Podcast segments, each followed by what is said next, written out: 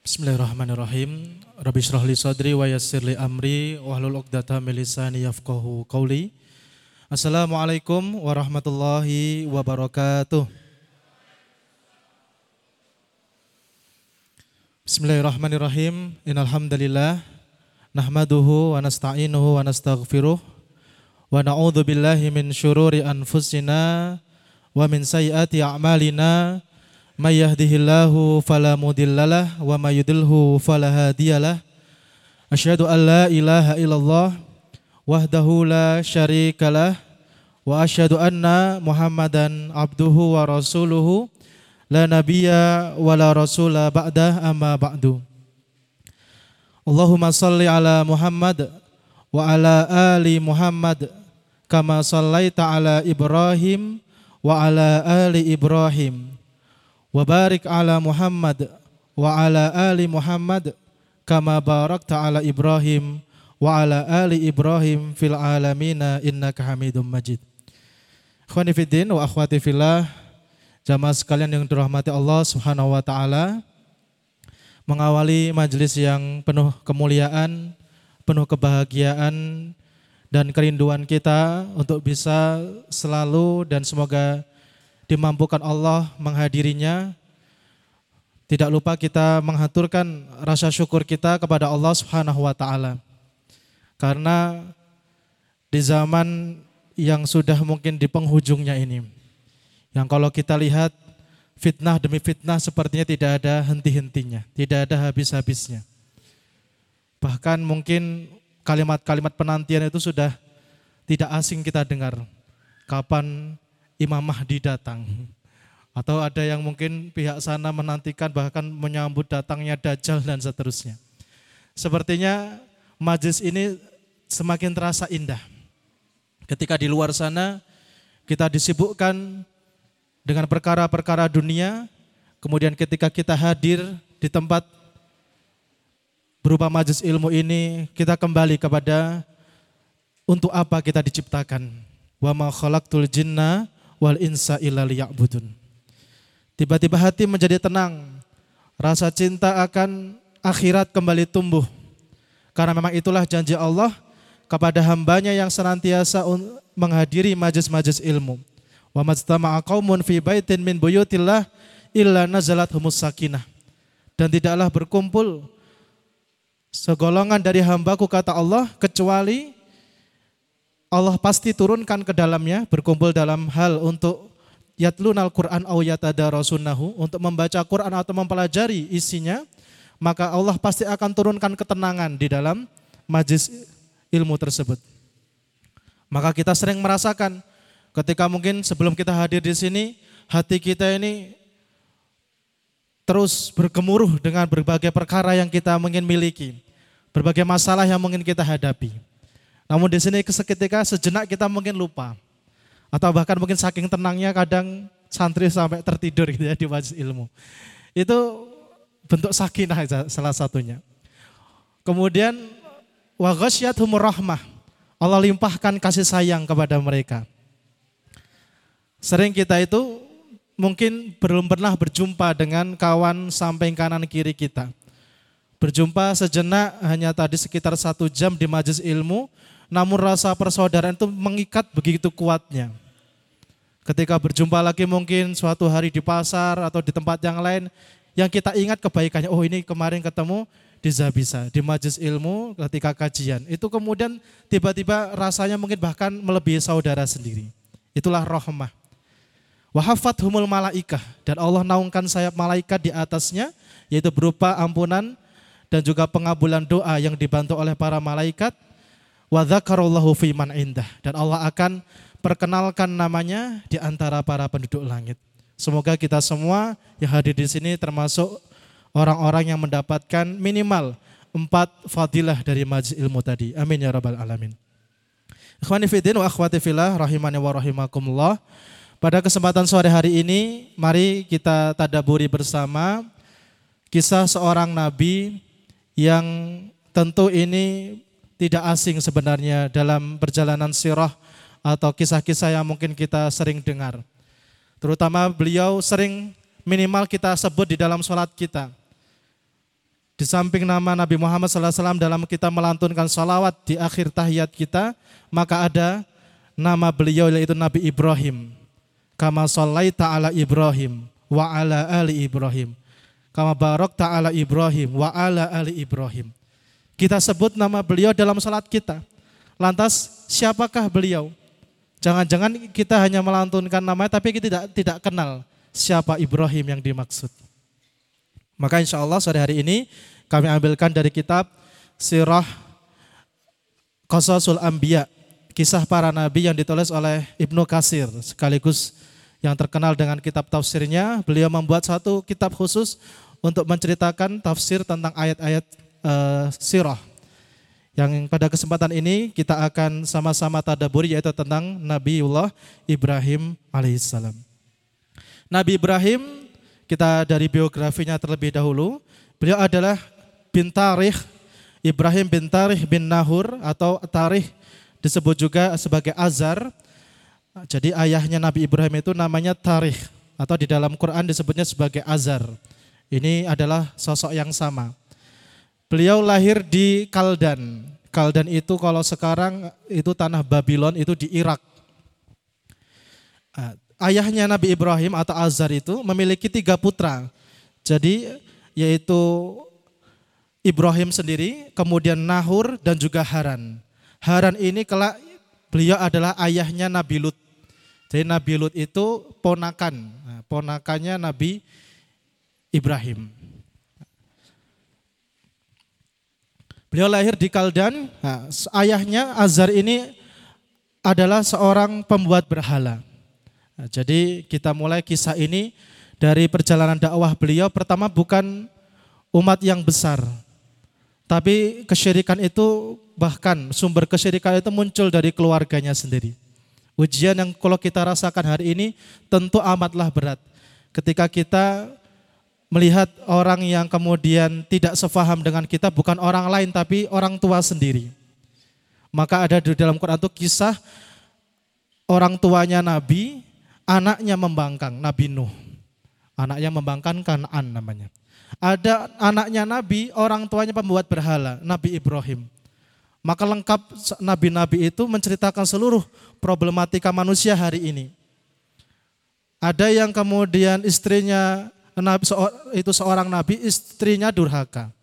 Nabi Nuh, Nabi Lut. Ada bahkan orang kafir yang bahkan saking kafirnya itu ngaku Tuhan, istrinya seorang muslimah. Fir'aun istrinya Asia. Maka lengkap semua kisah itu di dalam Al-Quran yang mana itu menjadi miniatur daripada problem hari ini. Atau bahkan menjadi referensi kita. Nah, tinggal masalah kita itu seperti Nabi siapa? Kita nanti lihat sirahnya. Nabi Ibrahim ini ayahnya sendiri Azar adalah pembuat berhala, pembuat patung, maka dakwah beliau kepada kepada ayahnya itu direkam di dalam Al-Quran surat Maryam dari ayat 42 sampai ayat 48.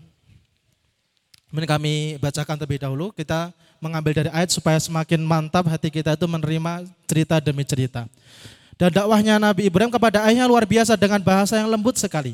Kalau seorang ayah atau orang tua menasihat, menasihati anaknya itu kalau bahasa lembut dalam Al-Quran memanggilnya dengan ya bunaya, wahai anakku. Itu panggilan yang ibaratnya penuh kasih sayang, ya bunaya. Kalau kita lihat contohnya dalam surat Luqman, ya bunaya la tusyrik billah inna syirka la dhulman adzim. Itu bahwasanya nasihatnya Luqman kepada putranya. Sekarang kalau seorang anak memanggil dengan panggilan lembut kepada ayahnya, itu dengan panggilan ya abati. Ya aba, ya abati. Di dalam surat Maryam empat kali Nabi Ibrahim itu memanggil ayahnya dengan ya abati. Dalam ayat 42, Idh qala li abihi ya abati lima ta'budu ma la yasma' Wahai ayahku, wahai ayah yang sangat aku sayangi, mengapa engkau menyembah sesuatu yang tidak mendengar, wala yubsir dan tidak melihat, wala yughni anka syai'an dan tidak pula bermanfaat kepadamu sedikit pun. Kemudian dalam ayat selanjutnya 43, Ya abati inni qad ja'ani minal ilm. Wahai ayahku, sesungguhnya telah datang kepadaku sebagian ilmu yang tidak datang kepadamu. Maka kami beri judul dari sini ya, Nabi Ibrahim itu manusia cerdas. Karena mukjizatnya Nabi Ibrahim itu salah satunya kecerdasannya. Kalau kita bicara mukjizat, sepertinya sering kita ini yang mukjizat yang dohir-dohir. Tongkat bisa jadi ular. Kemudian apa e, bisa membelah lautan dan seterusnya. Lantas apa mukjizatnya Nabi Ibrahim? Ternyata Allah itu menurunkan mukjizat itu pasti sesuai kaumnya. Dulu Nabi Musa itu kaumnya itu lagi yang menjadi tolak ukur kemuliaan seseorang, derajat seseorang itu ilmu sihir. Maka mukjizat itu artinya melemahkan. Maka yang bisa melemahkan semua ilmu sihir ketika itu. Maka tongkatnya bisa melebihi ularnya itu bisa melebihi ular-ular para penyihir ketika itu. Nabi Isa diutus kepada umat yang ketika itu yang menjadi tolak ukur kemajuan adalah ilmu kedokteran. Maka mujizatnya Nabi Isa itu bisa menyembuhkan penyakit yang tidak ada obatnya ketika itu, yaitu penyakit kematian. Nabi Isa diberi mujizat bisa membangkitkan yang mati. Nabi Muhammad diutus kepada umat yang ketika itu barometer kemuliaan adalah seorang pujangga. Syairnya semakin hebat, maka dia semakin mulia. Maka salah satu mujizat Quran itu bahasanya mengalahkan seluruh pujangga ketika itu. Nah, Nabi Ibrahim diutus kepada umat yang ketika itu sangat mengedepankan logika berpikirnya, cerdas-cerdas, pintar-pintar. Maka Nabi Ibrahim bukan dikasih fisik yang kuat seperti halnya dulu ketika kita bahas cerita ada Nabi Hud, ada Nabi Soleh dan seterusnya. Bukan pula diberi tongkat selayaknya Nabi Musa. Namun mukjizatnya Nabi Ibrahim adalah ketika dengan akal fikirannya, dengan hujahnya bisa mematahkan hujah umatnya. Nah, orang-orang Babylon ketika itu, Babilonia itu ketika itu peradaban yang paling maju. Kalau kita lihat hari ini bahkan masih ada sisa-sisanya. Dulu ada Taman Gantung Babilonia dan seterusnya. Nah, Babilonia itu dipimpin oleh seorang raja dunia bernama Namrud. Yang mana itu dia seorang raja kafir bahkan juga mengaku sebagai Tuhan. Nah ini ibaratnya diutus di sebuah tempat pusat peradaban manusia ketika itu yaitu di Kaldan atau di Babilonia. Kaldan itu salah satu daerah dari Babilonia. Yang mana di sana mereka itu menyembah bintang-bintang. Jadi orang-orang Kaldan ini menyembah eh, benda-benda langit, menyembah bintang, menyembah rembulan, menyembah matahari, ada juga kemudian menyembah berhala Kemudian maka hari ini kita dapati di Damaskus itu di Irak itu masih ada puing-puing uh, bekas penyembahan mereka di sudut di empat arah mata angin pintu Damaskus itu ada bekas tempat ibadahnya orang-orang Babylon. Dulu bekas mereka menyembah bintang-bintang. Maka masuklah ke situ dakwah Nabi Ibrahim. Tadi setelah mendakwahkan kepada orang tuanya dengan cara yang lembut, ya abati, ya abati, namun berujung dengan penolakan di dalam surat Maryam ayat ke 46 qala araghibun anta an alihati Ayahnya berkata, "Wahai Ibrahim, apakah kamu itu membenci Tuhan Tuhanku?" La illam tantahi la arjumannaka. Ayahnya sendiri mengancam dengan kalimat, "Jika engkau tidak berhenti mencela Tuhanku, maka engkau pasti akan kurajam." Ini kata seorang ayah kepada anaknya yang berdakwah dengan selembut mungkin. Wah jurni malian maka tinggalkanlah untukku, pergilah dariku dalam waktu yang lama. Maka ketika itu Ibrahim meninggalkan ayahnya dan mulai mendapat perintah untuk berdakwah kepada umatnya ketika itu di Kaldan. Namun apa kata Nabi Ibrahim ketika mendapati respon dari ayah seperti itu? Ada sebuah ayat selanjutnya 47. Qala salamun alaika sa'astaghfirulaka rabbi innahu kana bi hafiya. Ibrahim berkata, Salamun alaika, semoga keselamatan bagimu. Sa'astaghfirulaka rabbi. Wahai ayahku, walaupun engkau menolak dakwahku, namun aku akan memohonkan ampunan bagimu kepada Robbi, kepada Robku. Innahu kana bi hafiya. Sesungguhnya Allah itu maha baik kepadaku. Nah di akhir ketika Nabi Ibrahim sudah kemudian menuntaskan dakwahnya kepada ayahnya walaupun berujung penolakan, namun menutup dengan, wahai ayahku, Walaupun engkau tetap kafir, menolak dakwahku, akan aku doakan semoga Allah mengampunimu. Yang ternyata ini menjadi teguran kelak bahwasanya menunjukkan kembali bahwasanya tidak boleh mendoakan ampunan bagi orang kafir apabila dia mati dalam keadaan kafir. Kalau misalkan mendoakan mendapatkan hidayah itu diperbolehkan. Tapi kemudian orang kafir mati dalam keadaan kafir didoakan supaya mendapat ampunan dari Allah ini tidak diperkenankan. Salah satu dalilnya adalah surat Maryam ayat 47. Maka di dalam surat Al-Mumtahanah ayat keempat Allah berfirman di dalam di awal surat di awal ayat qad kanat lakum uswatun hasanatun fi Ibrahim. Sesungguhnya telah kami jadikan di dalam Ibrahim itu ada uswah hasanah, ada suri tauladan yang baik. Kemudian di akhir ayat illa qaula Ibrahim li abihi la astaghfiranna laka wa ma amliku laka minallahi min syai. Kecuali satu hal yang tidak boleh dicontoh dari Ibrahim. Ini bukan ketika seperti ini kita memahaminya bukan kemudian mendiskreditkan ke keagungan Nabi Ibrahim tidak. Ini menunjukkan bahwasanya nabi yang paling mulia nanti. Nabi yang kemudian merangkum dari semua kebaikan nabi-nabi itu adalah Nabi Allah Muhammad sallallahu alaihi wasallam. Semua kasus ada dalam Nabi Muhammad. Ayahnya juga mati dalam keadaan kafir. Maka Nabi Muhammad pun tidak mendoakan ayahnya untuk kemudian diampuni oleh Allah Subhanahu wa taala. Nah, ini maka di dalam surat Al-Mumtahanah ayat keempat tadi, inna qad lakum uswatun hasanatun fi Ibrahim. Telah ada bagi kalian suri toladan yang baik dalam diri Ibrahim. Kemudian di akhir ayatnya ditutup dengan illa qaula Ibrahim ali abihi la astaghfiranna laka wa ma amliku laka minallahi min syai' kecuali satu perkataan yaitu ketika Ibrahim berkata kepada ayahnya akan aku mohonkan ampunan kepada Allah wahai ayahku ya dengan kondisi kekafiranmu. Maka ini menjadi teguran dari Allah Subhanahu wa taala. Kembali ke cerita tadi ketika Nabi Ibrahim berdakwah kepada kaumnya yaitu kaum atau bangsa Kaldan yang mana menyembah bintang-bintang Ibrahim tahu ini mereka ini mengedepankan akal pikirannya mereka ini mengedepankan akal fikirannya. Mereka mengedepankan logikanya. Maka ini tidak bisa kalau didakwai dengan ayat. Tidak bisa hanya kalau didakwai dengan dalil. Mereka pasti menolak dan mereka meminta bukti. Apa sih biasanya kalau hari ini ya secara empiris ya gitu, secara apa yang realistis ya seperti yang is-is itu bangsanya itu ya bangsa Kaldan itu.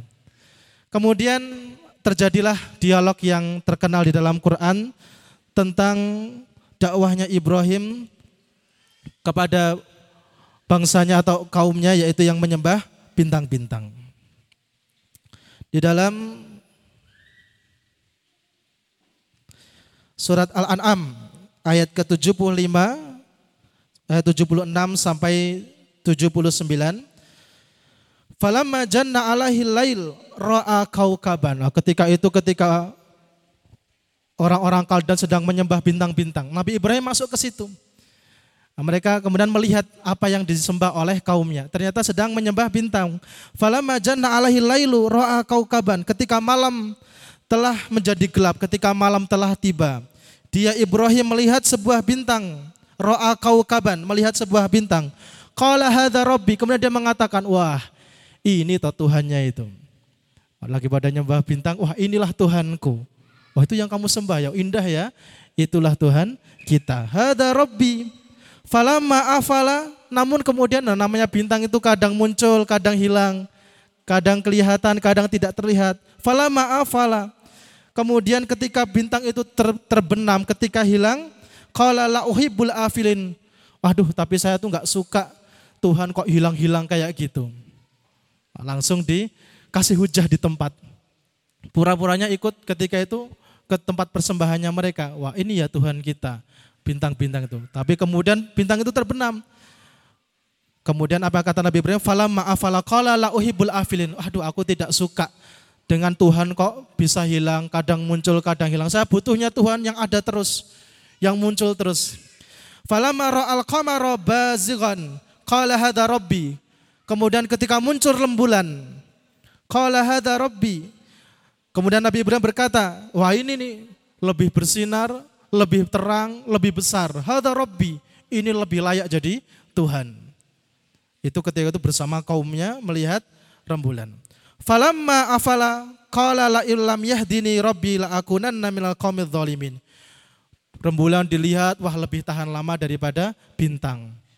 Namun ketika sudah mulai datang waktu fajar, bulan itu mulai tenggelam, mulai hilang. Falam ma'afala kemudian ketika hilang, Nabi Ibrahim berkata, "Qala la illam yahdini rabbi la akunanna minal qaumi dzalimin." Wah, kalau Tuhan munculnya cuma malam, ya saya ini termasuk orang yang tersesat. Masa Tuhan cuma munculnya malam hari saja. Kemudian fajar pun tiba, pagi pun tiba, falamma ra'al syamsa bazighatan. Dan ketika melihat matahari terbit, qala hadza rabbi hadza akbar. Wah, dikatakanlah Nabi Ibrahim dengan lantang, qala hadza rabbi, wah ini nih Tuhannya nih. Wahada akbar ini lebih besar, lebih bersinar, lebih besar, lebih panas, wah ini ya, lebih gagah. Hada akbar ini lebih besar. Falamma afalat. Namun ternyata sama. Ketika sudah datang waktu senja, ketika malam tiba, dan hilang matahari itu kala ya qaumi inni bari ummi ma tusyrikun wahai kaumku sudah aku berlepas diri dari sesembahan kalian yang telah kalian sekutukan nyembah bintang kadang muncul, kadang tidak. Nyembah bulan cuman ada malam.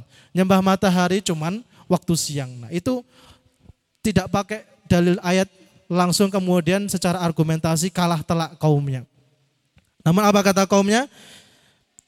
Kemudian Nabi Ibrahim dari situlah mendapat hidayah dan juga kemudian sekaligus dakwahnya kepada kaumnya.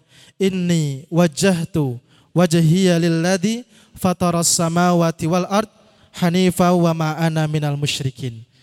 Sesungguhnya aku menghadapkan wajahku, aku hanya menyembah kepada yang menciptakan langit dan bumi, yang menciptakan tadi rembulan, bintang dan juga matahari.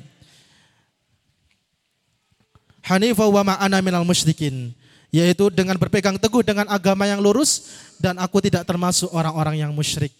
Inilah cara dakwahnya Nabi Ibrahim yang penuh kecerdasan dan juga penuh argumentasi untuk menangkal daripada kebebalan dari kaum-kaumnya. Yang pertama tadi berdakwah kepada kaumnya Bani Kaldan yang menyembah uh, rembulan, bintang dan juga matahari.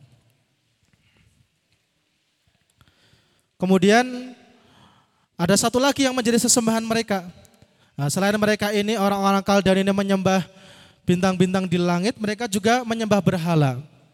Nah, jadi Nabi Ibrahim itu ketika mau berdakwah ini tidak didengarkan. Mengumpulkan kaumnya tidak ada yang mau kumpul. Ini siapa? Hanya anaknya pembuat patung. Mau dikumpulkan Nabi Ibrahim mau menyampaikan dakwahnya tidak ada yang menggubris. Ketika Nabi Ibrahim langsung datang ke tempat peribadahan mereka tadi, cara Nabi Ibrahim seperti itu. Karena dikumpulkan tidak ada yang mau datang, akhirnya Nabi Ibrahim datang sendiri ke tempat peribadahan mereka. Ketika mereka sedang memuja bintang, memuja rembulan, Nabi Ibrahim sendiri yang datang dan memberikan hujahnya. Kemudian Nabi Ibrahim cari kesempatan. Kira-kira kapan dan bagaimana saya ini bisa mengumpulkan seluruh kaumku untuk mendengarkan dakwahku. Akhirnya orang-orang Kaldan itu memiliki satu kebiasaan. Jadi mereka itu memiliki hari besar. Setiap tahunnya orang-orang Kaldan itu memiliki hari besar yang mana ketika hari besar atau hari raya itu mereka keluar perkampungan mereka keluar perkampungan untuk mencari berburuan, mereka berburu, kemudian pulang sore harinya membawa buruan itu. Namun sebelum mereka pergi meninggalkan kampungnya, mereka itu memberikan sesajen atau makanan kepada berhala-berhala mereka yang berada di satu tempat, nah, diberikan makanan-makanan sesajen, kemudian mereka minta berdoa keselamatan ketika berburu, kemudian mereka satu kampung itu keluar, pergi berburu sampai sore baru pulang lagi, untuk menghadap memberikan buruannya itu kepada berhala-berhalanya itu. Nah, Nabi Ibrahim kemudian melihat ini kesempatan. Wah ini kalau saya bisa gunakan kesempatan ini, ini saya bisa mengumpulkan kaumku dalam waktu yang sangat singkat dan pasti semuanya berkumpul. Maka ketika Nabi Ibrahim diajak oleh kaumnya itu untuk keluar. Ayo Ibrahim, sekarang ini sudah waktunya hari raya kita, hari besar. Kamu harus ikut pergi keluar untuk berburu. Namun apa kata Nabi Ibrahim? Direkam percakapannya dalam surat As-Sofat ayat ke-89. Faqala inni sakimun. Kata Nabi Ibrahim, waduh maaf, sesungguhnya ini sakimun, aku sedang sakit. Ini perkataan Nabi Ibrahim kebohongan yang pertama. Jadi nanti di Quran itu ada Nabi Ibrahim sepanjang hidupnya hanya tiga kali berbohong. Nanti kami jabarkan satu persatu. Yang pertama, kebohongan pertama adalah ketika peristiwa ini. Ketika diajak oleh kaumnya itu untuk keluar berburu dalam rangka merayakan hari raya mereka untuk mempersembahkan hasil buruan kepada berhala-berhalanya, Nabi Ibrahim berbohong, qala inni sakimun. Saya ini sedang sakit. Fatawallaw anhu mudbirin. Akhirnya mereka berpaling meninggalkan Ibrahim seraya meninggalkannya. Faragha ila ilahatihim faqala ala ta'kulun. Nah, ketika tahu sudah kaumnya itu meninggalkan kampung halamannya, wah ini sudah tidak ada orang di sini. Akhirnya Nabi Ibrahim masuk ke tempat peribadahan kaumnya yang mana di sana terkumpul semua berhala-berhala. Di sana ada satu berhala besar, dikisahkan itu berhalanya berupa patungnya Raja Namrud. Itu berhala yang paling besar, kemudian banyak berhala-berhala kecil di situ. Apa yang dikatakan Nabi Ibrahim kepada mereka? Faragha ila alihatihim, kemudian Nabi Ibrahim langsung menuju ke berhala-berhalanya. Faqala ala ta'kulun, wahai berhala, kenapa enggak dimakan ini sajen-sajennya? Kenapa enggak dimakan ini makanan-makanannya? Ala ala ta'kulun, kenapa kamu tidak makan? Faragha alaihim darban bil yamin. Ditanya kamu kok tidak dimakan ini? Enggak bisa jawab. Kemudian oleh Nabi Ibrahim fadaraba darban bil yamin. Dipukul dengan tangan kanannya, dihancurkan dengan tangan kanannya. Seluruh berhala-berhala kecil ditanya satu-satu. Kok tidak dimakan? Apa kamu nggak bisa mendengar apa yang saya ucapkan? Masih diam saja, namanya patung. Langsung dihancurkan. Dan seterusnya sampai tidak ada patung yang tersisa. Hanya kemudian Tinggal satu yang disisakan oleh Nabi Ibrahim yaitu patung yang paling besar. Akhirnya ketika kaumnya itu pulang dari berburu, dari perayaan hari rayanya itu pulang dan kemudian mereka ingin mempersembahkan hasil burunya itu kepada berhala sesembahannya, mereka kaget luar biasa. Ketika masuk situ seluruh berhala sudah hancur porak-poranda, kemudian sudah tak tersisa, sudah kacau tempat ibadah mereka. Hanya tersisa ada satu patung besar yang yang tersisa tidak hancur dan terkalung kapak di di atasnya. Nah, mereka kemudian langsung ini marah, pasti siapa yang melakukan ini? Nah, kisah ini Allah kisahkan dalam surah Al-Anbiya ayat ke 59. Qalu man fa'ala hadza bi alihatina innahu laminadh. Mereka dengan penuh amarah berkata, siapakah yang melakukan perbuatan ini? terhadap Tuhan-Tuhan kami. Sesungguhnya dia termasuk orang-orang yang zolim. Kemudian ada seorang berkata, Qalu sami'na fatan yadkurhum yuqalu lahu Ibrahim. Wah kami pernah mendengar ada seorang pemuda. Fatan itu seorang pemuda. Jadi Ibrahim melakukan itu tuh masih muda. Kami mendengar ada seorang pemuda yang sering mencela Tuhan-Tuhan kita. Dia dipanggil dengan nama Ibrahim. Namanya adalah Ibrahim. Kalau Faktu bihi ala ayunin nas la'allahum yashhadun. Wah, kalau begitu panggil dia. Bawalah dia kemari, perlihatkan kepada orang-orang agar dia memberikan kesaksian. Inilah yang sebenarnya ditunggu-tunggu oleh, Nabi Ibrahim. Nabi Ibrahim itu ngumpulkan, nggak pada datang, manggil dakwah nggak pada mau menggubris, agar Nabi Ibrahim punya siasat. Wah ini nanti kalau orang pas lagi keluar, saya hancurkan saja berhalanya, kemudian pasti orang-orang kaget nyari-nyari saya. Orang pada kumpul di situ, wah sudah saya tinggal datang. Nabi Ibrahim nggak gentar, justru itu yang ditunggu Nabi Ibrahim untuk dipanggil. Akhirnya kalau faktu bihi ala ayunin nas, panggil dia di hadapan seluruh halayak ramai ini. La'allahum yashhadun, supaya dia memberikan kesaksian. Langsung Nabi Ibrahim senang hati datang ke sana. Kok udah sehat tadi katanya sakit. Nah, memang Nabi Ibrahim berbohong ketika itu. Qalu a'anta fa'alta hadza bi alihatina ya Ibrahim. Ditanya oleh pemuka kaumnya. Apakah engkau yang melakukan perbuatan ini wahai Ibrahim? Qala. Kemudian apa yang dikatakan Nabi Ibrahim? Qala. Bal fa'alahu kabiruhum. Loh, kamu tuh gimana? Itu lihat jelas-jelas kapaknya ada di berhala yang paling besar, dia nggak hancur sendiri. Mungkin dia iri. Kok semuanya disembah, mungkin dia pengennya disembah sendiri yang paling besar itu. Qala bal fa'alahu kabiruhum hada fas'aluhum inkanu yantikun. Apa kata Nabi Ibrahim? Sebenarnya patung besar ini yang melakukannya. Coba tanyakan kepada mereka, kepada dia. Jika emang memang mereka dapat berbicara. Nah, kalau misalkan Tuhanmu itu memang bisa berbicara, oh Tuhanmu katanya maha kuasa. Masa menghancurkan ini kamu masih menanyakan, oh, udah jelas-jelas kapaknya itu di bawah siapa. Dia utuh sendiri. Coba tanya ke dia kalau memang dia bisa bicara. Itu jawaban Nabi Ibrahim. Sekali lagi langsung yang diserang itu logikanya, yang diserang itu langsung akal pikirannya. Kemudian farojau ila anfusihim. Apa akhirnya kaumnya? Farojau ila anfusihim. Akhirnya mereka mulai tolah-toleh melihat satu sama mereka. Mereka mulai sadar. Faqalu innakum antumud dholimun. Akhirnya mereka mengatakan, kamulah yang telah berbuat zalim kepada sesama mereka. Kamu sih nggak jaga sini, kamu sih tadi nggak jaga di sini, kamu sih pergi semua sini nggak ada yang jaga. Akhirnya mereka menyadari, loh Tuhan kok perlu dijaga. Tuhan tidak bisa berbicara. Nah, tapi tabiat dan karakter orang kafir adalah ketika mereka sudah tidak punya argumen, mereka sudah kalah berdebat, maka apa yang berlaku? Yaitu hukum rimba yang berlaku. Qala Thumma nukisu ala ru'usihim laqad alimta ma haula'i yantikun. Kemudian mereka berkata, "Wahai Ibrahim, kamu tahu sendiri mereka itu tidak bisa berbicara." Kemudian Nabi Ibrahim membalas, "Kalau begitu, mengapa engkau menyembah sesuatu yang tidak bisa bicara?"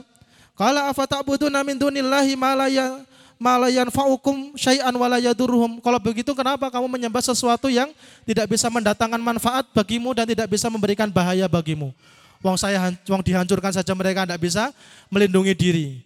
Mereka tidak bisa kemudian membela diri. Lantas kenapa engkau itu menyembah sesuatu yang tidak bisa memberikan manfaat dan mudarat bagimu, bahkan tidak bisa berbicara, bahkan tidak bisa mengambil makanan di depannya.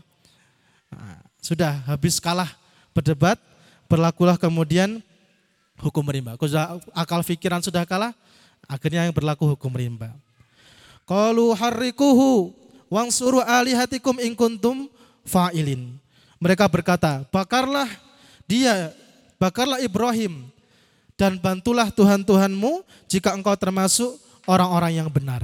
Nah, sudah berlakunya ancaman, kekerasan, mereka sudah tidak punya alasan, tidak punya argumen lagi untuk membela diri mereka. Sudah jelas di depan mata mereka itu kalah dalam berlogika, akhirnya yang dilakukan adalah hukum rimba. Bakarlah Ibrahim. Akhirnya ketika itu seluruh kaumnya mengumpulkan kayu bakar dalam waktu yang sangat yang cukup lama. Dikumpulkan kayu bakar itu sampai tinggi sekali, kemudian dinyalakan apinya, yang mana kemudian orang itu ketika mau memasukkan Nabi Ibrahim ke dalamnya itu tidak bisa dari dekat, harus dilemparkan. Di sini dikisahkan menggunakan manjanik. Jadi seperti apa? Kayak ketapel. Kalau di senjata katapult gitu ya. Jadi di pakai ketapel dari jauh. Itu kemudian Nabi Ibrahim hendak dibakar karena mereka sudah kalah argumentasi, sudah kita bakar saja, kita binasakan yang namanya Ibrahim ini. Jadi ketika itu tidak ada orang beriman, maka ini salah satu alasan kenapa Nabi Ibrahim itu dipanggil sebagai bapak tauhid. Karena diriwayatkan ketika itu di atas muka bumi tidak ada orang beriman kecuali tiga. Nabi Ibrahim, kemudian Sarah, Siti Sarah istrinya, dan Nabi Lut. Hanya tiga orang yang beriman kepada Allah ketika itu. Maka kemudian kelak yang meneruskan dakwah tauhid sehingga hari ini tetap ada ibadatullah, salah satunya ada jasa dari Nabi Ibrahim alaihissalam. Akhirnya hari pembakaran itu tiba. Setelah kayu-kayu dikumpulkan, terkumpul begitu tingginya dan dinyalakan api, diriwayatkan bahwasanya api itu menyala bertahan di sana itu sekitar 40 atau 50 hari. Api itu tidak padam, saking besarnya. Kita saja mungkin kemarin anak-anak ini baru main api unggun, itu sebesar itu cuma satu jam, ya sudah mati. Berarti kalau 40 hari itu sebesar apa apinya? Nah, kemudian Nabi Ibrahim dilemparkan dari tempat kejauhan ke dalam api itu. Nah ketika dilemparkan itu ada malaikat Jibril datang menawarkan bantuan kepada Nabi Ibrahim. Dan ini Nabi Ibrahim terus berdoa ketika dalam proses dilemparkan itu ada doa yang masyur sekali. Hasbunallah wa ni'mal wakil, ni'mal maula wa ni'man nasir. Jadi ketika malaikat Jibril menghampiri ketika masih di langit gitu kita bayangkan lagi slow motion gitu ya. Nabi malaikat Jibril menghampiri menawarkan bantuan. Nabi Ibrahim menolak hasbunallah wa ni'mal wakil nikmal maula wa nikman nasir. Tetap sudah tidak ada lebih cepat daripada pertolongannya Allah. Hatta itu pertolongannya malaikat Jibril. Malaikat hujan menghampiri. Engkau pengen saya turunkan hujan, hari ini juga seketika bisa padam api itu. Nabi Ibrahim tetap berkata, Hasbunallah wa ni'mal wakil, ni'mal maula wa ni'man nasir. Bahwasanya cukup Allah bagi penolongku dan dialah sebaik-baik pelindung. Karena Nabi Ibrahim yakin pertolongan Allah lebih cepat daripada bahkan malaikat hujan sekalipun. Kemudian ketika hendak menyentuh api itu, turunlah firman Allah di dalam surat Al-Anbiya ayat 69. Allah Subhanahu wa taala berfirman kepada api itu, "Kulna ya nar, kuni bardan wa salaman ala Ibrahim." Kemudian Allah berfirman, berfirman, "Ya nar, wahai api, kuni bardan wa salaman ala Ibrahim." Jadilah engkau dingin dan selamat dan penuh keselamatan bagi Ibrahim. Jadi dicabut satu sifat api itu, api punya dua sifat, terang dan juga panas. Dicabut sifat panasnya oleh Allah dan itu begitu mudah bagi Allah Subhanahu wa taala. Idza arada syai'an ayakula lahu kun fayakun. Kalau Allah mengendaki sesuatu maka Allah tinggal bicara, Allah tinggal berfirman kun fayakun. Maka Allah berfirman kepada api kuni bardan wasalaman. Kata para ulama, jika Allah tidak menambahkan salaman, hanya bardan saja, bisa jadi Nabi Ibrahim justru mati kedinginan. Maka jadilah wahai api engkau dingin dan penuh keselamatan. Maka ketika Nabi Ibrahim masuk ke dalam api itu tidak merasakan panas, bahkan penuh kenyamanan. Bahkan Nabi Ibrahim merasa tidak pernah merasakan tempat yang lebih nyaman dibanding ketika berada di api. Jadi selama 40 hari ke 50 hari itu orang-orang di luar mengiranya sudah mati hangus terbakar. Api itu tidak ada habisnya, tidak mungkin ini orang kok bertahan hidup selama itu di dalam api. Namun dirasakan Nabi Ibrahim justru nikmat. Bahkan Nabi di dalam sebuah riwayat Nabi Ibrahim mengatakan belum pernah aku melalui hari-hari dan malam yang lebih nikmat melebihi saat aku berada di dalam kobaran api. Ketika kemudian api setelah 50 hari itu orang begitu yakin, wah ini sudah selesai kisahnya Ibrahim. Ternyata Nabi Ibrahim bisa keluar dengan penuh keselamatan dan tidak ada bekas hangus sedikit pun, tidak ada bekas terbakar sedikit pun. Namun dalam proses tadi terjadinya kobaran api itu ada sebuah riwayat dan kisah juga yang sering hari ini kita gunakan itu sebagai hujah. Kata Nabi Sallallahu Alaihi Wasallam, ketika terjadinya kobaran api yang membakar Nabi Ibrahim. Seluruh hewan-hewan itu berusaha untuk memadamkan apinya. Ada kisahnya apa, burung pipit hanya kemudian membawa setetes air, kemudian diteteskan di atas api itu. Ada seekor semut kemudian membawa setetes air. Semua hewan-hewan di dunia ketika itu, ketika kebak, ketika kobaran api itu terjadi, semua hewan itu berusaha memadamkan apinya yang membakar Nabi Ibrahim. Dan kata Rasulullah kecuali satu, yaitu hewan cicak atau tokek. Dia justru meniup-niup api itu supaya semakin besar. Nah, kemudian dengan hadis itu Rasul memerintahkan untuk membunuh cicak atau tokek jika kita mendapatinya. Karena dia adalah hewan yang ketika Nabi Ibrahim sedang dibakar itu dia meniup-niup untuk membesarkan apinya. Ini menunjukkan bahwa saya memang tidak berpengaruh tetesan itu. Tidak bahkan mungkin tidak berpengaruh tiupannya tokek itu untuk memperbesar apinya namun menunjukkan di mana kemudian pihak mereka berpihak dan berada. Atas air itu mungkin tidak berpengaruh, tapi menunjukkan bahwa dia ingin menyelamatkan Nabi Ibrahim, menyelamatkan kekasih Allah. Dan juga tiupan tokek atau jejak tadi juga tidak berpengaruh sedikit pun untuk memperbesar apinya. Namun menunjukkan bahwa dia berada di pihak yang ingin mencelakakan Nabi Ibrahim alaihissalam. Maka hari ini mungkin banyak daripada kita menggunakan hujah ini dan ini dalam hadis Rasulullah sahih riwayatnya memang mungkin apa yang kita lakukan hari ini donasi kita mungkin tidak seberapa untuk menyelamatkan saudara-saudara kita kemudian sedang diberikan ujian oleh Allah atau mungkin boykot kita juga tidak berpengaruh seberapa namun bukan itu Nabi Ibrahim juga selamat karena pertolongan Allah sudah memang Allah menentukan itu selamat namun Allah menilai di pihak mana ketika itu saudara-saudaranya kita yakin Allah akan turunkan keselamatan dan kemenangan bagi saudara kita. Namun hari ini Allah pun menilai, menguji keimanan kita di, berada di pihak mana kita. Jangan-jangan kemudian naudzubillah kita termasuk yang meniup-niup, memprovokasi, meniup supaya semakin panas. Sudah tidak perlu donasi, tidak perlu enggak berpengaruh dan seterusnya. Nah, ini kisah daripada hewan ketika itu yang kemudian bersikap ketika terjadinya kejadian pembakaran Nabi Ibrahim. Setelah kemudian kejadian itu, Nabi Ibrahim kemudian hijrah dari Kaldan menuju masih di Babilonia ketika itu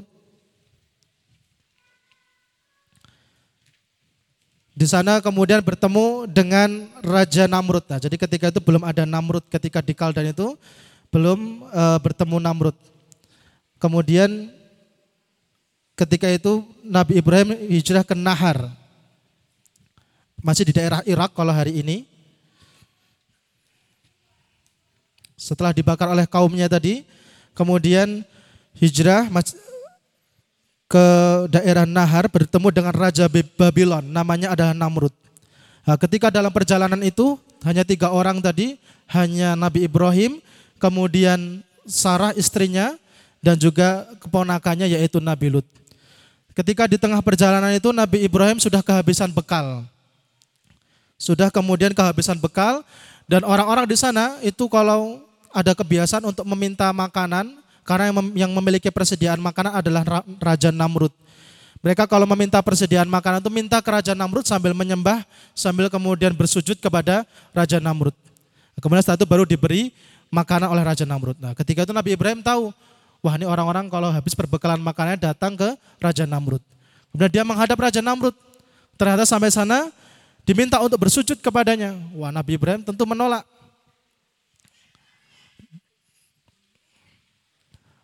Ini kemudian dirangkum dalam surah Al-Baqarah ayat 258. Apakah kamu tidak memperhatikan orang-orang yang mendepat Ibrahim tentang Tuhannya? Allah telah memberikan kepada orang itu pemerintahan kekuasaan. Ketika Ibrahim mengatakan, Tuhanku ialah yang menghidupkan dan mematikan. Nah, ketika itu Nabi Ibrahim berkata, tidak Tuhanku itu adalah yang bisa menghidupkan dan mematikan. Namun orang itu berkata, atau Namrud itu kemudian berkata, oh saya pun juga bisa menghidupkan dan mematikan. Lantas kemudian dipanggil, panggil dua orang ke hadapan saya. Yang satu itu dua-duanya itu sebenarnya sudah tahanan difonis mati. Kemudian kata Raja Namrud, yang ini bunuh dimatikan, yang sini dibiarkan hidup. Nah, kemudian apa katanya? Lihat, aku juga bisa menghidupkan dan mematikan. Pak Nabi Ibrahim tahu, wah ini saking bodohnya ini bukan itu yang dimaksud menghidupkan dan mematikan. Tapi Nabi Ibrahim tidak menggunakan hal itu untuk kemudian melawan balik. Wah ini kalau cuman saya lawan ini nanti cuman habis energi saya atau malah saya bisa dihabisi. Apa kata Nabi Ibrahim? Wah kalau begitu Tuhanku adalah yang bisa menerbitkan matahari dari timur dan menenggelamkannya di barat. Kalau begitu, kalau kamu memang Tuhan, coba terbitkan dari barat. Wah sudah, gak bisa ngapa-ngapain. Ya, kalau kamu memang aku Tuhan, coba bikin kebalikan dari Tuhanku. Kalau Tuhanku itu bisa menerbitkan dari timur, kamu coba kebalikan, terbitkan matahari itu dari barat. Maka terbitkanlah dia dari barat. Lalu terdiamlah orang kafir itu, terdiamlah Namrud itu, dan Allah tidak memberi petunjuk kepada orang-orang yang zalim. Maka kemudian diusirlah Nabi Ibrahim dan tidak mendapatkan makanan ketika itu. Dan terus didakwahi Raja Namrud tidak mau beriman. Nah, akhirnya ternyata raja yang congkak dan termasuk empat raja dunia, bahwasanya di dunia ini dalam perjalanan sejarah hanya ada empat raja dunia, dua mukmin, dua kafir. Yang mukmin adalah Zulkarnain dan Raja Sulaiman dan Nabi Sulaiman dan yang kafir adalah Namrud dan juga Bukhtanasar. Nah, Namrud itu termasuk raja dunia yang hampir menguasai seluruh dunia, mengaku Tuhan, ternyata binasanya hanya dengan seekor lalat. Allah utus seekor lalat kemudian masuk ke dalam hidungnya, ya, kemudian sampai ke otaknya. Nah, itu selama diriwayatkan selama 40, 400 tahun. Jadi diriwayatkan Namrud itu berkuasa selama 400 tahun. Tapi dalam kondisi tadi ada lalat di dalam dirinya. Menggerogoti dagingnya dari dalam. Nah, orang kemasukan lalat itu kan rasanya udah gak karuan. Terus dipukul-pukul kepalanya dengan tongkatnya itu. Untuk mengeluarkan lalat itu. Akhirnya Namrud itu mati karena tadi memukuli dirinya sendiri. Nah, hanya dengan seekor lalat kesombongan dan kecongkakan Nabi Ibrahim, eh, kecongkakan Raja Namrud itu dibinasakan oleh Allah Subhanahu wa taala. Nah, kemudian pulanglah Nabi Ibrahim tadi karena tidak mendapatkan makanan, kemudian pulang tanpa membawa makanan. Namun di tengah perjalanan, Nabi Ibrahim wah, nanti untuk menghibur keluarganya, wah saya pergi tidak bawa apa-apa, jangan sampai pulang juga tidak bawa apa-apa. Akhirnya ketika di tengah perjalanan Nabi Ibrahim itu ranselnya dimasukkan pasir, bebatuan pasir ke dalam ranselnya untuk nanti ya ketika orang rumah melihat, oh ini bawa makanan, padahal hanya untuk menghibur supaya tidak kecewa. Ketika masuk rumah, saking lelahnya, capeknya Nabi Ibrahim, langsung diletakkan ranselnya itu di pinggirnya dan Nabi Ibrahim langsung tertidur ketika masuk rumah. Tanpa sepengetahuan Nabi Ibrahim ketika tertidur, istrinya yaitu Siti Sarah membuka ranselnya. Dilihat banyak makanan, melimpah makanan yang mewah, bermacam-macam aneka makanan dalam tasnya. Begitu bahagianya Siti Sarah kemudian memasak makanan itu. Kemudian tidak lama Nabi Ibrahim terbangun. Loh, Ranselnya kok nggak ada di sampingnya itu. Kemudian lihat istrinya kok masak, loh masak apa perasaan tadi cuman bawa pasir sama batu. Kemudian ketika dihidangkan, loh kamu dapat dari mana makanan ini? Loh tadi saya dapat dari ranselmu wahai Nabi Ibrahim. Akhirnya dari situ Nabi Ibrahim yakin bahwa Allah pasti menolong dan memenuhi daripada kebutuhan hamba-hambanya beriman dan bertakwa. Itu salah satu kisah dari perjalanan Nabi Ibrahim ketika itu Eh, dengan Raja Namrud. Akhirnya setelah dari Kaldan kemudian ke Haran masih di Irak, kemudian Nabi Ibrahim hijrah lagi ke Syam. Nah, Nabi Ibrahim hijrah lagi ke Syam, Syam ke Baitul Maqdis di uh, Palestina. Nah, kemudian Nabi Ibrahim hijrah ke Syam, di sana ternyata daerahnya sedang kekeringan juga, sulit untuk mencari bahan makanan. Akhirnya Nabi Ibrahim hijrah lagi ke Mesir. Nah, perjalanan Nabi Ibrahim yang sering hijrah menyeberang dari satu tempat ke tempat lainnya itu kalau dalam bahasa Arab namanya menyeberang itu abbaro yu'abbiru. Maka bahasanya Nabi Ibrahim itu bahasa Ibrani. Ibrani itu dari kalimat abbaro yu'abbiru atau bahasa ya seberang dari Kaldan, Haran, ke Syam, kemudian ke Mesir. Nah, di Mesir ketika itu adalah negara yang makmur. Namun dipimpin oleh raja yang zolim, yang lalim, yang lalim. Yang mana Dikisahkan raja di sana itu tidak bisa melihat wanita cantik. Pokoknya ada wanita cantik langsung pengen dia miliki. Nah, kemudian ketika Nabi Ibrahim masuk ke situ bersama istrinya, yaitu Siti Sarah, tahu ada pasukannya melihat, uh, ada orang baru datang bersama wanita yang sangat cantik. Nah, jadi Siti Sarah itu dalam sebuah riwayat bahkan Siti Sarah itu adalah wanita tercantik di dunia setelah Siti Hawa. Jadi Siti Hawa itu ibunya manusia itu yang paling cantik. Kemudian kalau kita dengar kisah Nabi, Nabi yang paling tampan itu Nabi Yusuf. Kalau wanita yang paling cantik itu Siti Sarah.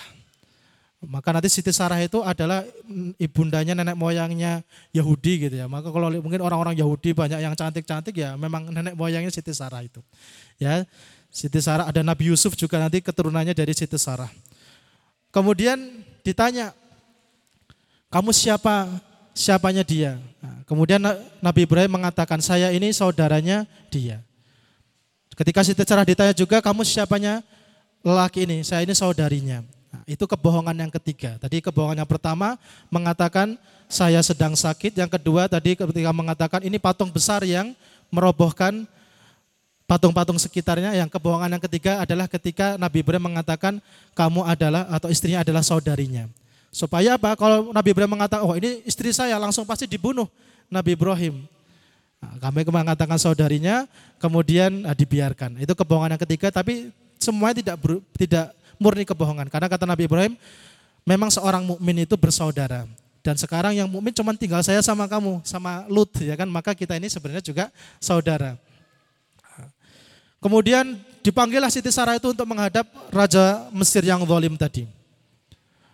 Dipanggil kemudian Nabi Ibrahim tidak tenang di rumah. Ketika sepanjang Siti Sarah itu dipanggil Nabi Ibrahim itu terus sholat. Terus kemudian memohon perlindungan kepada Allah. Nah, ketika namun Siti Sarah itu dipanggil menghadap ke raja tadi, ingin disentuh oleh Raja Zalim tadi, tiba-tiba tubuhnya mengeras kaku. Ya, kayak orang stroke mungkin gitu ya, langsung kemudian tidak bisa bergerak. Kemudian berkata kepada Siti Sarah itu, Wahai mohonkanlah ampun untukku. Akhirnya Siti Sarah berdoa mohonkan ampun untuk raja tadi bisa gerak lagi. Langsung kemudian pengen menyentuh lagi, tiba-tiba kaku lagi. Terus diminta doa lagi kepada Siti Sarah minta diampuni dirinya. Akhirnya Siti Sarah mendoakan lagi bisa berkali sampai tiga kali. Kemudian akhirnya raja tadi berkata, wah kamu ini bukan membawa seorang wanita ke hadapanku, tapi engkau membawa setan ke hadapanku gitu. Karena tidak bisa disentuh, tidak bisa diapa-apakan. Akhirnya disuruh pulang bahkan kemudian dihadiahi seorang wanita untuk melayaninya itu bernama Hajar. Nah, jadi dari situlah kemudian Sarah memiliki pelayan yang bernama Hajar merupakan hadiah dari Raja Mesir ketika itu. Bahkan diberi hadiah harta yang banyak dan juga diberi hadiah berupa hewan ternak yang sangat banyak. Nah, dengan bekal yang demikian banyak itu, akhirnya Nabi Ibrahim kembali lagi ke Syam. Karena memang Syam itu adalah tanah yang memang kemudian Allah firmankan untuk Nabi Ibrahim pergi ke sana. Nah, ke Syam itu, kemudian kisahnya kembali ke Syam, bersama Lut juga, karena Lut juga sudah punya harta yang banyak, Lut disuruh kemudian bablas gitu Pak ya. Kamu melanjutkan perjalanan karena kamu sudah punya harta yang cukup, kamu pergi ke daerah Sodom. Sodom itu di atasnya uh, Syam. Jadi kalau sekarang mana ya? Yordania. Ya di atasnya itu jadi melanjutkan perjalanan ke atas ya, nyebrang lagi. Jadi dari Mesir menyeberang lagi ke Syam, ke Palestina. Nah, hanya karena tadi proses seberang sana seberang sini disebutlah termasuk bahasanya kaum Nabi Ibrahim itu adalah bahasa Ibrani.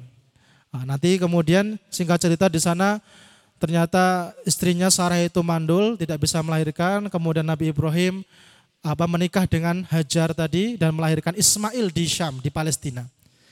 Maka mungkin ini sedikit kami berikan, kalau hari ini orang-orang Yahudi mengatakan Palestina itu adalah tanah yang dijanjikan. Maka kita bisa tantang balik, janji yang mana? Coba ditunjukkan janji yang mana yang Allah berikan itu Palestina adalah tanahnya orang-orang Yahudi. Kalau mau ditarik sejarahnya justru Nabi Ismail itu yang lahir di Palestina. Nabi Ismail itu lahirnya di Palestina. Nabi Ismail itu adalah nenek moyangnya bangsa Arab atau nenek moyangnya Nabi Muhammad SAW. Nah, Nabi Ismail yang lahir di Palestina tapi nanti karena kecemburuannya Sarah akhirnya dibawa ke Mekah. Nah, jadi kalau kita bicara sejarah, tapi kita tidak pernah mengklaim orang Islam tidak pernah mengklaim ini tanah nenek moyangnya. Padahal yang lahir di situ adalah Ismail alaihissalam. Nah ini nanti uh, kisah tentang Nabi Ibrahim masih berlanjut panjang. Bagaimana kemudian keturunan Nabi Ibrahim itu yang seluruhnya menjadi nabi dan rasul, maka beliau juga disebut sebagai Abul Ambia, ayahnya para nabi dan rasul. Karena setelah Nabi Ibrahim tidak ada nabi dan rasul kecuali pasti keturunannya Nabi Ibrahim. Entah itu dari Ishak atau dari Ismail. Dari Ismail hanya satu yaitu Nabi Muhammad SAW. Nanti dari Ishak semuanya. Nah, kecuali tadi Nabi Lut yang saudaranya itu. Nah, nanti ada kisahnya juga Nabi Lut, kisah yang terkenal juga tentang kaum Nabi Lut yang terjadi di sana kemaksiatan, kedurhakaan yang belum pernah terjadi pada kaum-kaum sebelumnya.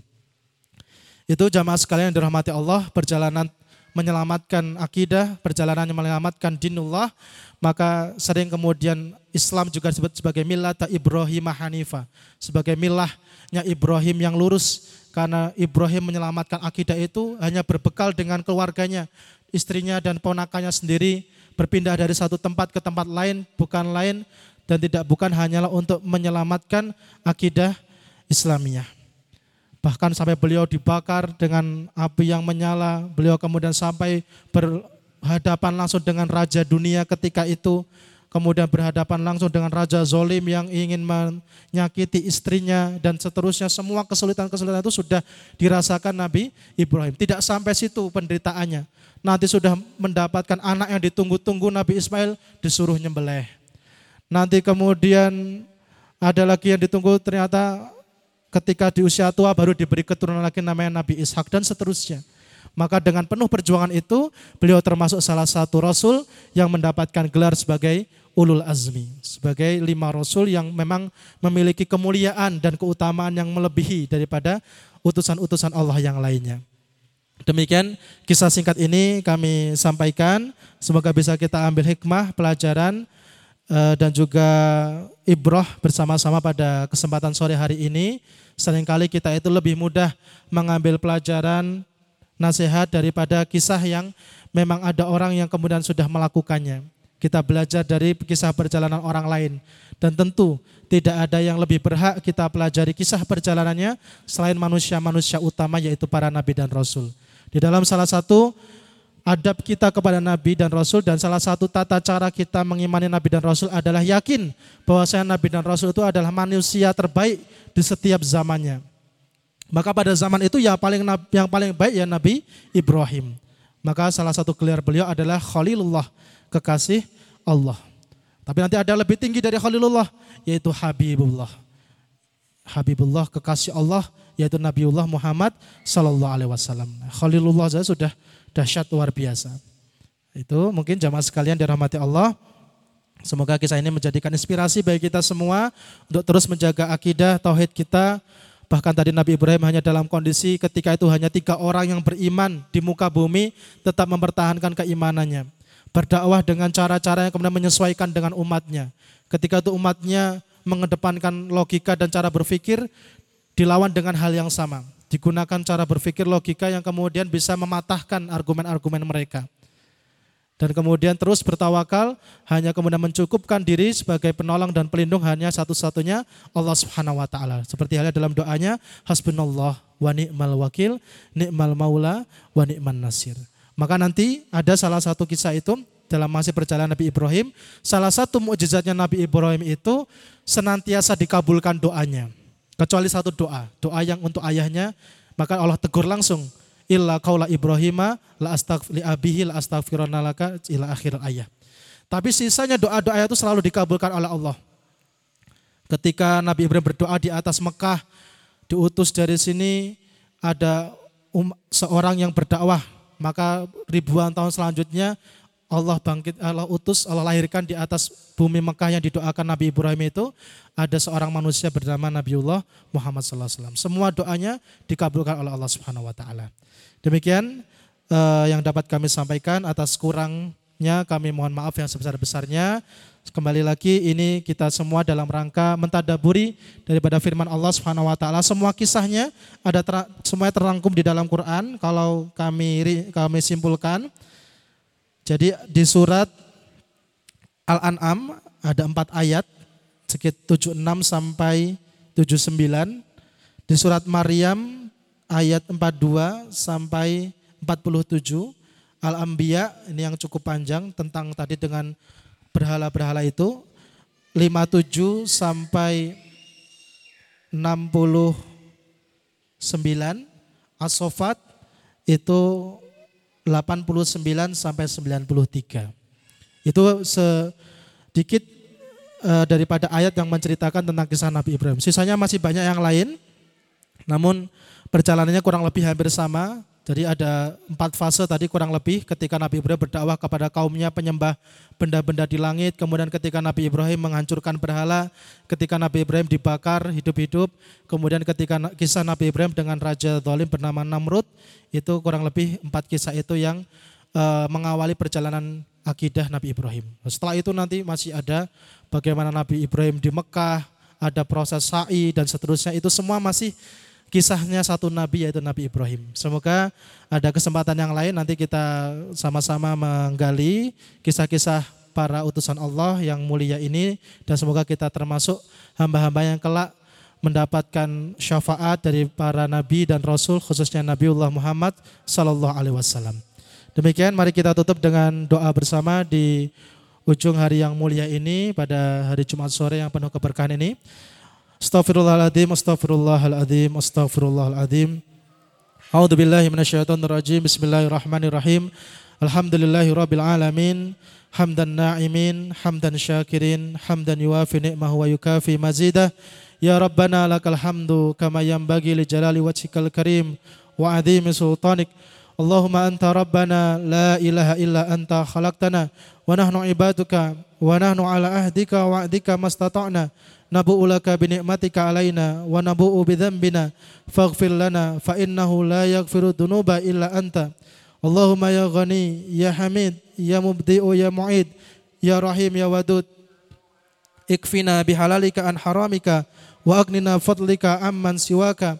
Allahumma arinal haqqa haqqa warzuqna tiba'a wa arinal batila batila warzuqna istinaba Allahumma salli ala Muhammad wa ala ali Muhammad kama sallaita ala Ibrahim wa ala ali Ibrahim wa barik ala Muhammad wa ala ali Muhammad kama barakta ala Ibrahim wa ala ali Ibrahim fil alamin innaka Hamidum Majid. Allahumma inna nas'aluka salamatan fid din wa afiyatan fil jasad wa ziyadatan fil ilmi wa barakatan fi rizki wa taubatan qabla maut ورحمة عند الموت ومغفرة بعد الموت. اللهم هون علينا في سكرات الموت ونجاة من النار والعفو عند الحساب. ربنا آتنا في الدنيا حسنة وفي الآخرة حسنة وقنا عذاب النار. ربنا هب لنا من أزواجنا وذرياتنا قرة أعين واجعلنا للمتقين إماما. ربنا ظلمنا أنفسنا وإن لم تغفر لنا وترحمنا لنكونن من الخاسرين. Hasbunallah wa ni'mal wakil ni'mal maula wa ni'man nasir subhana rabbika rabbil izzati amma yasifun wa salamun alal mursalin walhamdulillahi rabbil alamin Demikian jamaah sekalian, terima kasih atas seluruh perhatiannya. Semoga Allah senantiasa istiqomahkan kita dalam jalan hidayah dan taufiknya. Astagfirullahaladzim bila taufik wal hidayah. Assalamualaikum warahmatullahi wabarakatuh.